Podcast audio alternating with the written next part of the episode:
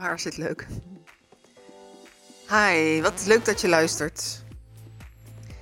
Dit is 55 Tinten Ontrouw, een serie met 55 korte podcasts achter elkaar over ontrouw. Je bent vreemd gegaan, je bent bedrogen of je bent de derde in de situatie van de driehoek. Je voelt schaamte, je voelt schuld. Misschien ben je wel gegijzeld in je eigen lijf en je weet niet hoe je eruit kan komen. Dit is de podcast voor jou. Vol met tips, herkenning, erkenning en antwoord op je vragen. Mijn naam is Annette Burgers. Ik ben de ontrouw-expert van Nederland en begeleid heel veel koppels in mijn praktijk You-to-Coaching. Vandaag gaan we aan de slag met de vraag: hoe kan ik mijn partner weer vertrouwen na ontrouw? Voordat ik dat ga doen, eventjes het volgende. Wil je meer weten? Wil je samen met jouw partner echt herstellen na ontrouw? Dat is namelijk niet heel erg makkelijk, maar het is wel zeker te doen. Neem dan een kijkje op mijn website www.youtubecoaching.nl onder het kopje Herstel na ontrouw. Als de ontrouw wat langer geleden plaats heeft gevonden, dan is vier maanden, je hebt al wat stappen gezet, dan kan vier maanden voldoende zijn om intensief aan de slag te gaan. Is het heel vers, dan zijn we zeker een half jaar aan, uh, aan het werk. Er zit namelijk altijd heel veel onder wat echt aan de bovenkant moet komen om uitgewerkt te worden. Ga jij vreemd en wil je vanaf van je affaire? Kijk dan naar persoonlijk leiderschap in liefde. En in alle situaties, uh, ik heb een gratis e-book, Jezelf op de rit, na ontrouw. Vraag het aan via info.youtubecoaching.nl. Vandaag gaan we de slag naar hoe kan ik mijn partner weer vertrouwen na ontrouw. Nou, let op. Dat is echt wel spel voor gevorderden, zoals Vera Helleman zegt. Uh, ik noem het hogere wiskunde. Omdat het niet al te makkelijk is. Het is ook afhankelijk van hoe heb je de ontrouw ontdekt. Heeft je partner het opgewicht of ben je er zelf achter gekomen? En was dat erachter komen echt uh, niet fijn? Is dat op een vervelende manier gebeurd? Um, hoe ben je met die shock omgegaan? Uh, ik merk in mijn praktijk dat als mensen eerder naar andere uh, hulpverleners zijn geweest, coaches of therapeuten, dat het vaak voorkomt dat de vreemdganger laten we het zo maar even uitdrukken, uh, alles heeft moeten vertellen. Uh, waardoor degene die bedrogen is ook wel alles op het netvlies heeft. Dus alle details van waar, wat, hoe. en dat gaat heel moeilijk van je netvlies af. je merkt dat de vreemdganger ziet hoe ongelooflijk dat raakt en hoe kwetsend dat is, daar spijt van heeft. En dat dan ook wel weer belemmert in het geven van informatie. Sowieso, hè, je kan vragen stellen nadat je partner vreemd is gegaan en dan heb je twee klassen vragen. Dat zijn de detective vragen waarbij je uh, precies alle details wil weten. Uh, en het zijn de procesvragen. De detailsvragen die uh, lijken super belangrijk, maar die kunnen in de weg gaan zitten. En de procesvragen zijn altijd goed. Hoe heeft het kunnen gebeuren? Hoe is het zover gekomen? En waar zitten openingen in onze relatie die ik niet gezien heb? En dat helpt allemaal om daarna weer aan de slag te gaan en om, te, uh, om, om elkaar te kunnen vertrouwen weer. Het vertrouwen is ook wel weer de wederzijds. Elke relatie is fijn als het in balans is. Op het moment dat je vreemd gaat en de afspraken schendt, doe je een ongelofelijke opname van die balansrekening. Dat betekent dat je terug te storten hebt. En uh, hoe je terugstort, dat is een eigen manier. En dat is goed luisteren naar je partner, wat hij of zij nodig heeft. En het is ook verantwoordelijkheid nemen voor je eigen gedrag. Dus niet dat uh, het feestje uh, te gezellig was, dat je te veel drank hebt gedronken of dat je er eigenlijk niks aan kan doen. Nee, het allerbelangrijkste om vertrouwen terug te winnen is 100% verantwoordelijkheid nemen. Dus hoe kan je je partner weer vertrouwen na ontrouw? Dat is als je partner die 100% verantwoordelijkheid neemt. En ook uiteindelijk zo snel als mogelijk openheid geeft over dat wat ertoe doet om te, om te vertellen. Niet dat er gefaseerd stukjes, puzzelstukjes van de waarheid nog komen. Dat eerst iemand zegt, ja nee, dit is echt het hele verhaal. En dat twee weken later blijkt dat het niet het hele verhaal was, maar dat er nog stukjes waarheid zijn afgebleven. Communicatie is uh, wel het bindmiddel, het is het, uh, het meest noodzakelijke, wat goed moet verlopen. En natuurlijk, het, de, eerste gesprekken gaan niet van een leien dakje.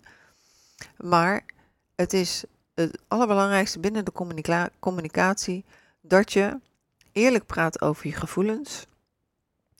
En dat je bereid bent om naar de andere te luisteren en te kijken of je het kan begrijpen.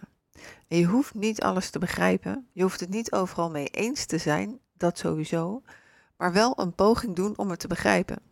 Dus in feite uh, ga je zo luisteren uh, en hou maar gewoon eventjes uh, je mond dicht om te luisteren naar wat, heeft, wat vertelt de ander eigenlijk. En kan ik dat begrijpen? Kan ik als ik in de huid ga zitten van mijn partner en in het hoofd en in het hart, kan ik luisteren? Kan ik begrip opbrengen van bepaalde zaken die hij of zij vertelt? Dus de eerste tip is: wees bereid om te luisteren naar elkaar. En als je een goed gesprek hebt, dan is elk, eigenlijk is na uh, het barsten van de bom, is elke situatie, elk gesprek is of een opname van de emotionele rekening, of het is een storting.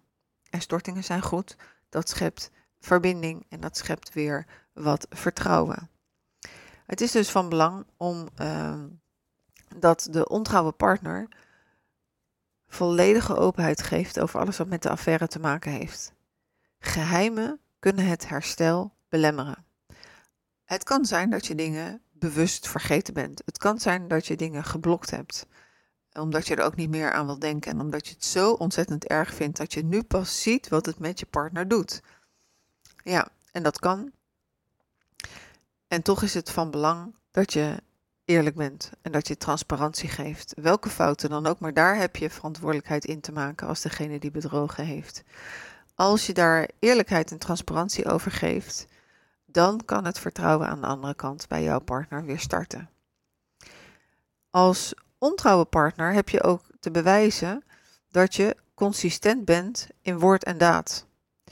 Ik ga dit vertellen of ik ga dit anders doen, heeft geen enkele waarde als je het niet ook doet mooie woorden. Die zijn in eerste instantie, kan je daar iemand een beetje uh, mee, uh, mee verleiden. Maar het gaat echt om, doe je wat je zegt en zeg je wat je doet.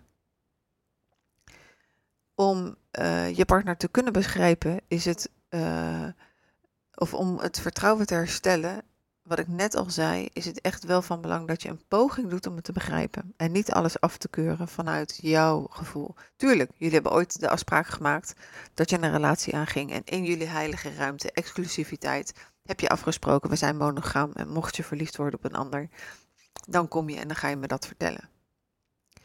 De realiteit kan soms wat weerbarstiger zijn. En soms zijn mensen ook die dit gewoon heel erg kunnen, heel goed kunnen hun hele leven lang en dan is er niks aan de hand. Maar niet iedereen is even sterk en het kan zijn dat er, uh, dat er barstjes zijn gekomen in jullie relatie waar je niet goed over hebt kunnen praten met z'n tweeën, waar je allebei een stukje verantwoordelijkheid in hebt. De een kan dan ontrouw zijn, want die gaat keihard werken en die gaat dus op die manier uit verbinding. En de ander kan ontrouw zijn door uh, contact te hebben met een ander. Wat in deze situatie ook heel erg belangrijk is, ook weer om het vertrouwen op te kunnen bouwen, ook klinkt dat raar, is zelfzorg. Je hebt altijd in elke relatie heb je 100% verantwoordelijkheid voor jezelf. Fysiek en mentaal. Zorg dat je gaat sporten. Zorg dat je uh, er alles aan doet om je goed te voelen. In die zin neem ook allebei een vertrouwenspersoon. Als ik het eerste gesprek heb met een koppel hier in mijn praktijk, dan, dan bespreken we het ook altijd. Met wie deel je de informatie? Het is een taboe uh, onderwerp en uh, het is duidelijk dat als je de hele familie erin betrekt, dat iedereen een mening heeft daarover en iedereen vanuit eigen pijn re reageert. Of ook vanuit eigen pijn zegt, joh, uh, sodemiet erop met die, met die partner, want dit of dat of zus of zo. Je wordt dan ontzettend beïnvloed. Kies allebei eh, een partner die, ehm, die, kan, die kan luisteren en eh, die ehm, je kan spiegelen vanuit je eigen reactie, maar waar je allebei vertrouwen in hebt. En dan is het ook nog eens heel erg fijn als je allebei iemand hebt waarvan je denkt van oké, het is oké als zij of hij de vertrouwenspersoon heeft van de, voor de ander. Dat je het daarmee eens bent. Uh, om vertrouwen te herstellen is het ook belangrijk om duidelijke grenzen aan te geven. Bepaal wat je wel en wat je niet kan accepteren. Als het bijvoorbeeld, uh, als jouw partner is vreemd gegaan met een collega, oké, is het dan nog voor jou oké dat jouw partner daar op de werkvloer is? En zo ja, onder welke voorwaarden? Geef je grenzen aan. Wees niet grenzeloos, want grenzeloosheid gaat je niet helpen. Doe niet alles en zet niet alles op alles met jezelf weg te cijferen in het belang van je relatie, omdat je denkt van ja, we hebben een gezinnetje of dit is uh, de liefde van mijn leven. Als je grenzeloos gedrag hebt en je uh, stelt niet zelf de grenzen, dan werkt dat niet in je voordeel. Dus wees dus duidelijk als het voor jou heel lastig is dat je partner daar nog werkt Bespreek het dan en maak afspraken. Ehm, als je het even heel moeilijk vindt om te vertrouwen, uh, dan mag je best meekijken of de afspraak maken dat je meekijkt in een mobiel. Als dat helpt om uh, vertrouwen. Het is niet levenslang dat je mee hoeft te kijken in een mobiel. Het is alleen een periode, die eerste periode, waarbij uh, je stortingen nodig hebt van je partner om weer terug te komen naar die emotionele balans. Dus stel grenzen en geef aan welke gedragingen onacceptabel zijn voor jou. Vermijd vergelding. Wraak zal het herstel van vertrouwen echt niet bevorderen. Maak niet gebruik van het destructieve recht. Het destructieve recht, ik vind dat een prachtig woord. Dat is oké, jij hebt mij bedrogen. Dus dat betekent dat ik jou op elk willekeurig moment uh, een, een vaas naar je hoofd kan gooien, bijvoorbeeld. Dat gaat niemand doen natuurlijk, maar dat betekent dat ik op elk willekeurig moment uh, gigantisch boos kan worden en vanuit onmacht allerlei lelijke dingen naar je kan roepen. Uh, je zwart kan maken bij de kinderen, je zwart kan maken bij mijn familie, uh, enzovoort, enzovoort. Ja, het, het is zo dat als het je overkomt, dat als je merkt dat je partner vreemd gegaan is, dat je echt, echt in een diepe kou valt. En dat je partner zich niet aan jullie afspraken heeft gehouden. Maar op het moment dat je gebruik maakt van, van wraak of van destructief recht, dan ben je verder van huis. En dan kan het zijn dat, dat uh, jouw acties nog meer kapot maken dan uh, het hele vreemdgaan bij elkaar. Dus uh, ook dat je mag boos zijn, je mag verdrietig zijn, absoluut. Maar het moet binnen een bepaalde kader van: oké, dit, dit is oké. Dat je niet over een bepaalde grens heen gaat. Geef het tijd. Uitstel van uh, herstel van vertrouwen is een langdurig proces. Daarom zeg ik ook altijd: als de, uh, als de ontrouw een tijdje geleden heeft plaatsgevonden en jullie hebben al wat stappen gemaakt, dan kunnen we werken aan een herstel van ongeveer uh, vier maanden. En dat is een gemiddelde. Soms lukt dat wel en soms lukt het niet. Dan verlengen we het. Uh, als het net heeft plaatsgevonden, dan moet er zoveel gebeuren. Dan kost dat echt een half jaar. Ben je na een half jaar helemaal weer on the rails en kan je je partner vertrouwen? Dat hangt van heel veel zaken af. Het kan. Het kan dus ook zijn dat je na een, half jaar weer helemaal in love bent. En dat dat uh, super fijn is. En helemaal alles koek en ei. Het kan. Maar het is niet altijd zo. Het hangt af van hoeveel verantwoordelijkheid heeft je partner gepakt. Uh, wat is de context? Wat is de situatie? Uh, zijn er veel stortingen gedaan? Kan je dat merken op de emotionele rekening? Heeft iemand echt spijt? Is er een goed excuus gemaakt? Nou, gemiddeld genomen ben je na een half jaar echt stappen verder en kan je werken aan uh, aan de relatie. En sommige mensen hebben een, uh, een bloedhekel aan het woord werken aan de relatie. Um, maar een relatie gaat niet vanzelf. Dus hoe je het noemt, noem je het. Maar het gaat niet vanzelf als je er niks voor doet. Dus ga er maar wat voor doen. En uh, dat blijft altijd. Dat is niet alleen na een crisis en een uh, ontrouw vreemdgaan. Is echt een relatietrauma beluister ook mijn eerdere podcast maar, die ik op heb genomen samen met Leoniek van der, van Marel. Een relatie is een, uh, of, of vreemdgaan is een relatietrauma. Het is een crisis. En dat heeft tijd nodig. Dus geef het ook die tijd. Verwacht niet van jezelf dat je na een week klaar bent. En ook bij mij in de praktijk, soms zijn mensen die, die zeggen, ja oké, het is zo jammer dat er weer een week voorbij gaat. Uh, ja, maar dingen hebben ook tijd nodig om te landen. Het kan niet allemaal in één weekend gerepareerd worden, want er zit zoveel onder. Het is uh, een, een mooi, tussen aanhalingstekens, moment om je relatie onder de loep te nemen en om, te, om tegelijkertijd om dingen te herstellen en om het, um, ja, uh, om te bouwen daar waar scheuren uh, ontstaan zijn. Zoek professionele hulp. Ik merk in mijn praktijk dat soms is, als ze hier komen, de ontrouw niet de eerste keer. Dan heeft het al eerder plaatsgevonden. Dan hebben ze dat samen opgelost. Maar dan zijn er toch scheurtjes blijven staan. En, en nu nemen we alles onder de loep, waardoor je echt 2.0 de deur uitgaat naar een heel traject. En, en samen aan de slag kan. Je hoeft niet per se hier te komen, maar ja, het kan natuurlijk wel. Je bent welkom. Ik werk overigens uh, met een eerste gratis consult.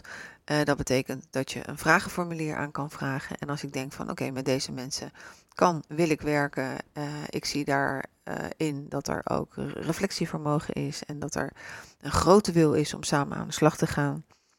dan kijk ik in mijn agenda, want een halfjaarstraject en een vier maanden traject uh, dat betekent dat ik 24/7 um, ja, aansta voor jullie.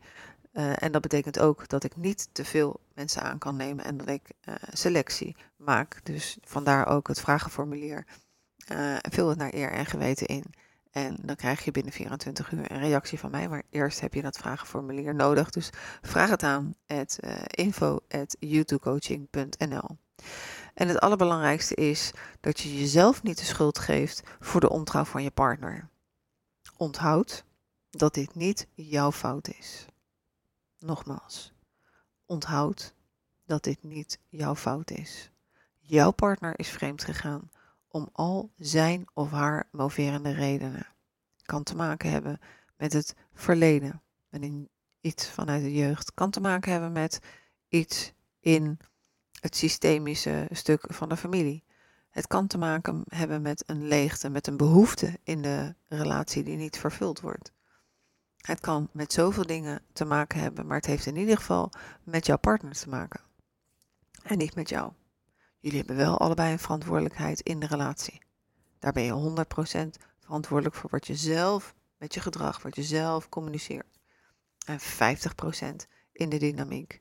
Maar als je partner vreemd gaat, dan is het niet jouw schuld.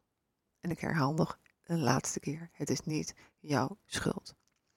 Het herwinnen en het herstel van vertrouwen na ontrouw is uitdagend. En het is zeer goed mogelijk.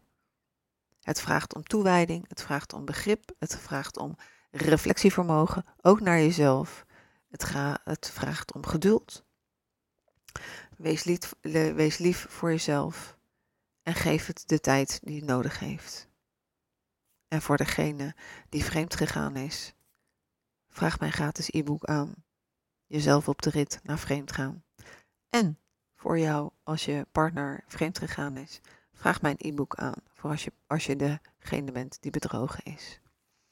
Dan was dit nummer 2 in de serie 55 tinten ontrouw.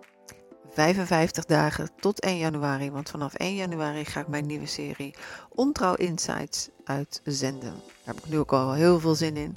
Maar deze serie 55 tinten ontrouw. 55 vragen van luisteraars. En 55 de meest gestelde vragen die te maken hebben met ontrouw. Ik probeer hem elke keer binnen 20 minuten af te hebben en dat lukt me vandaag. Tot de volgende keer. En heb je een vraag, stuur hem naar info.youtubecoaching.nl Doei doei!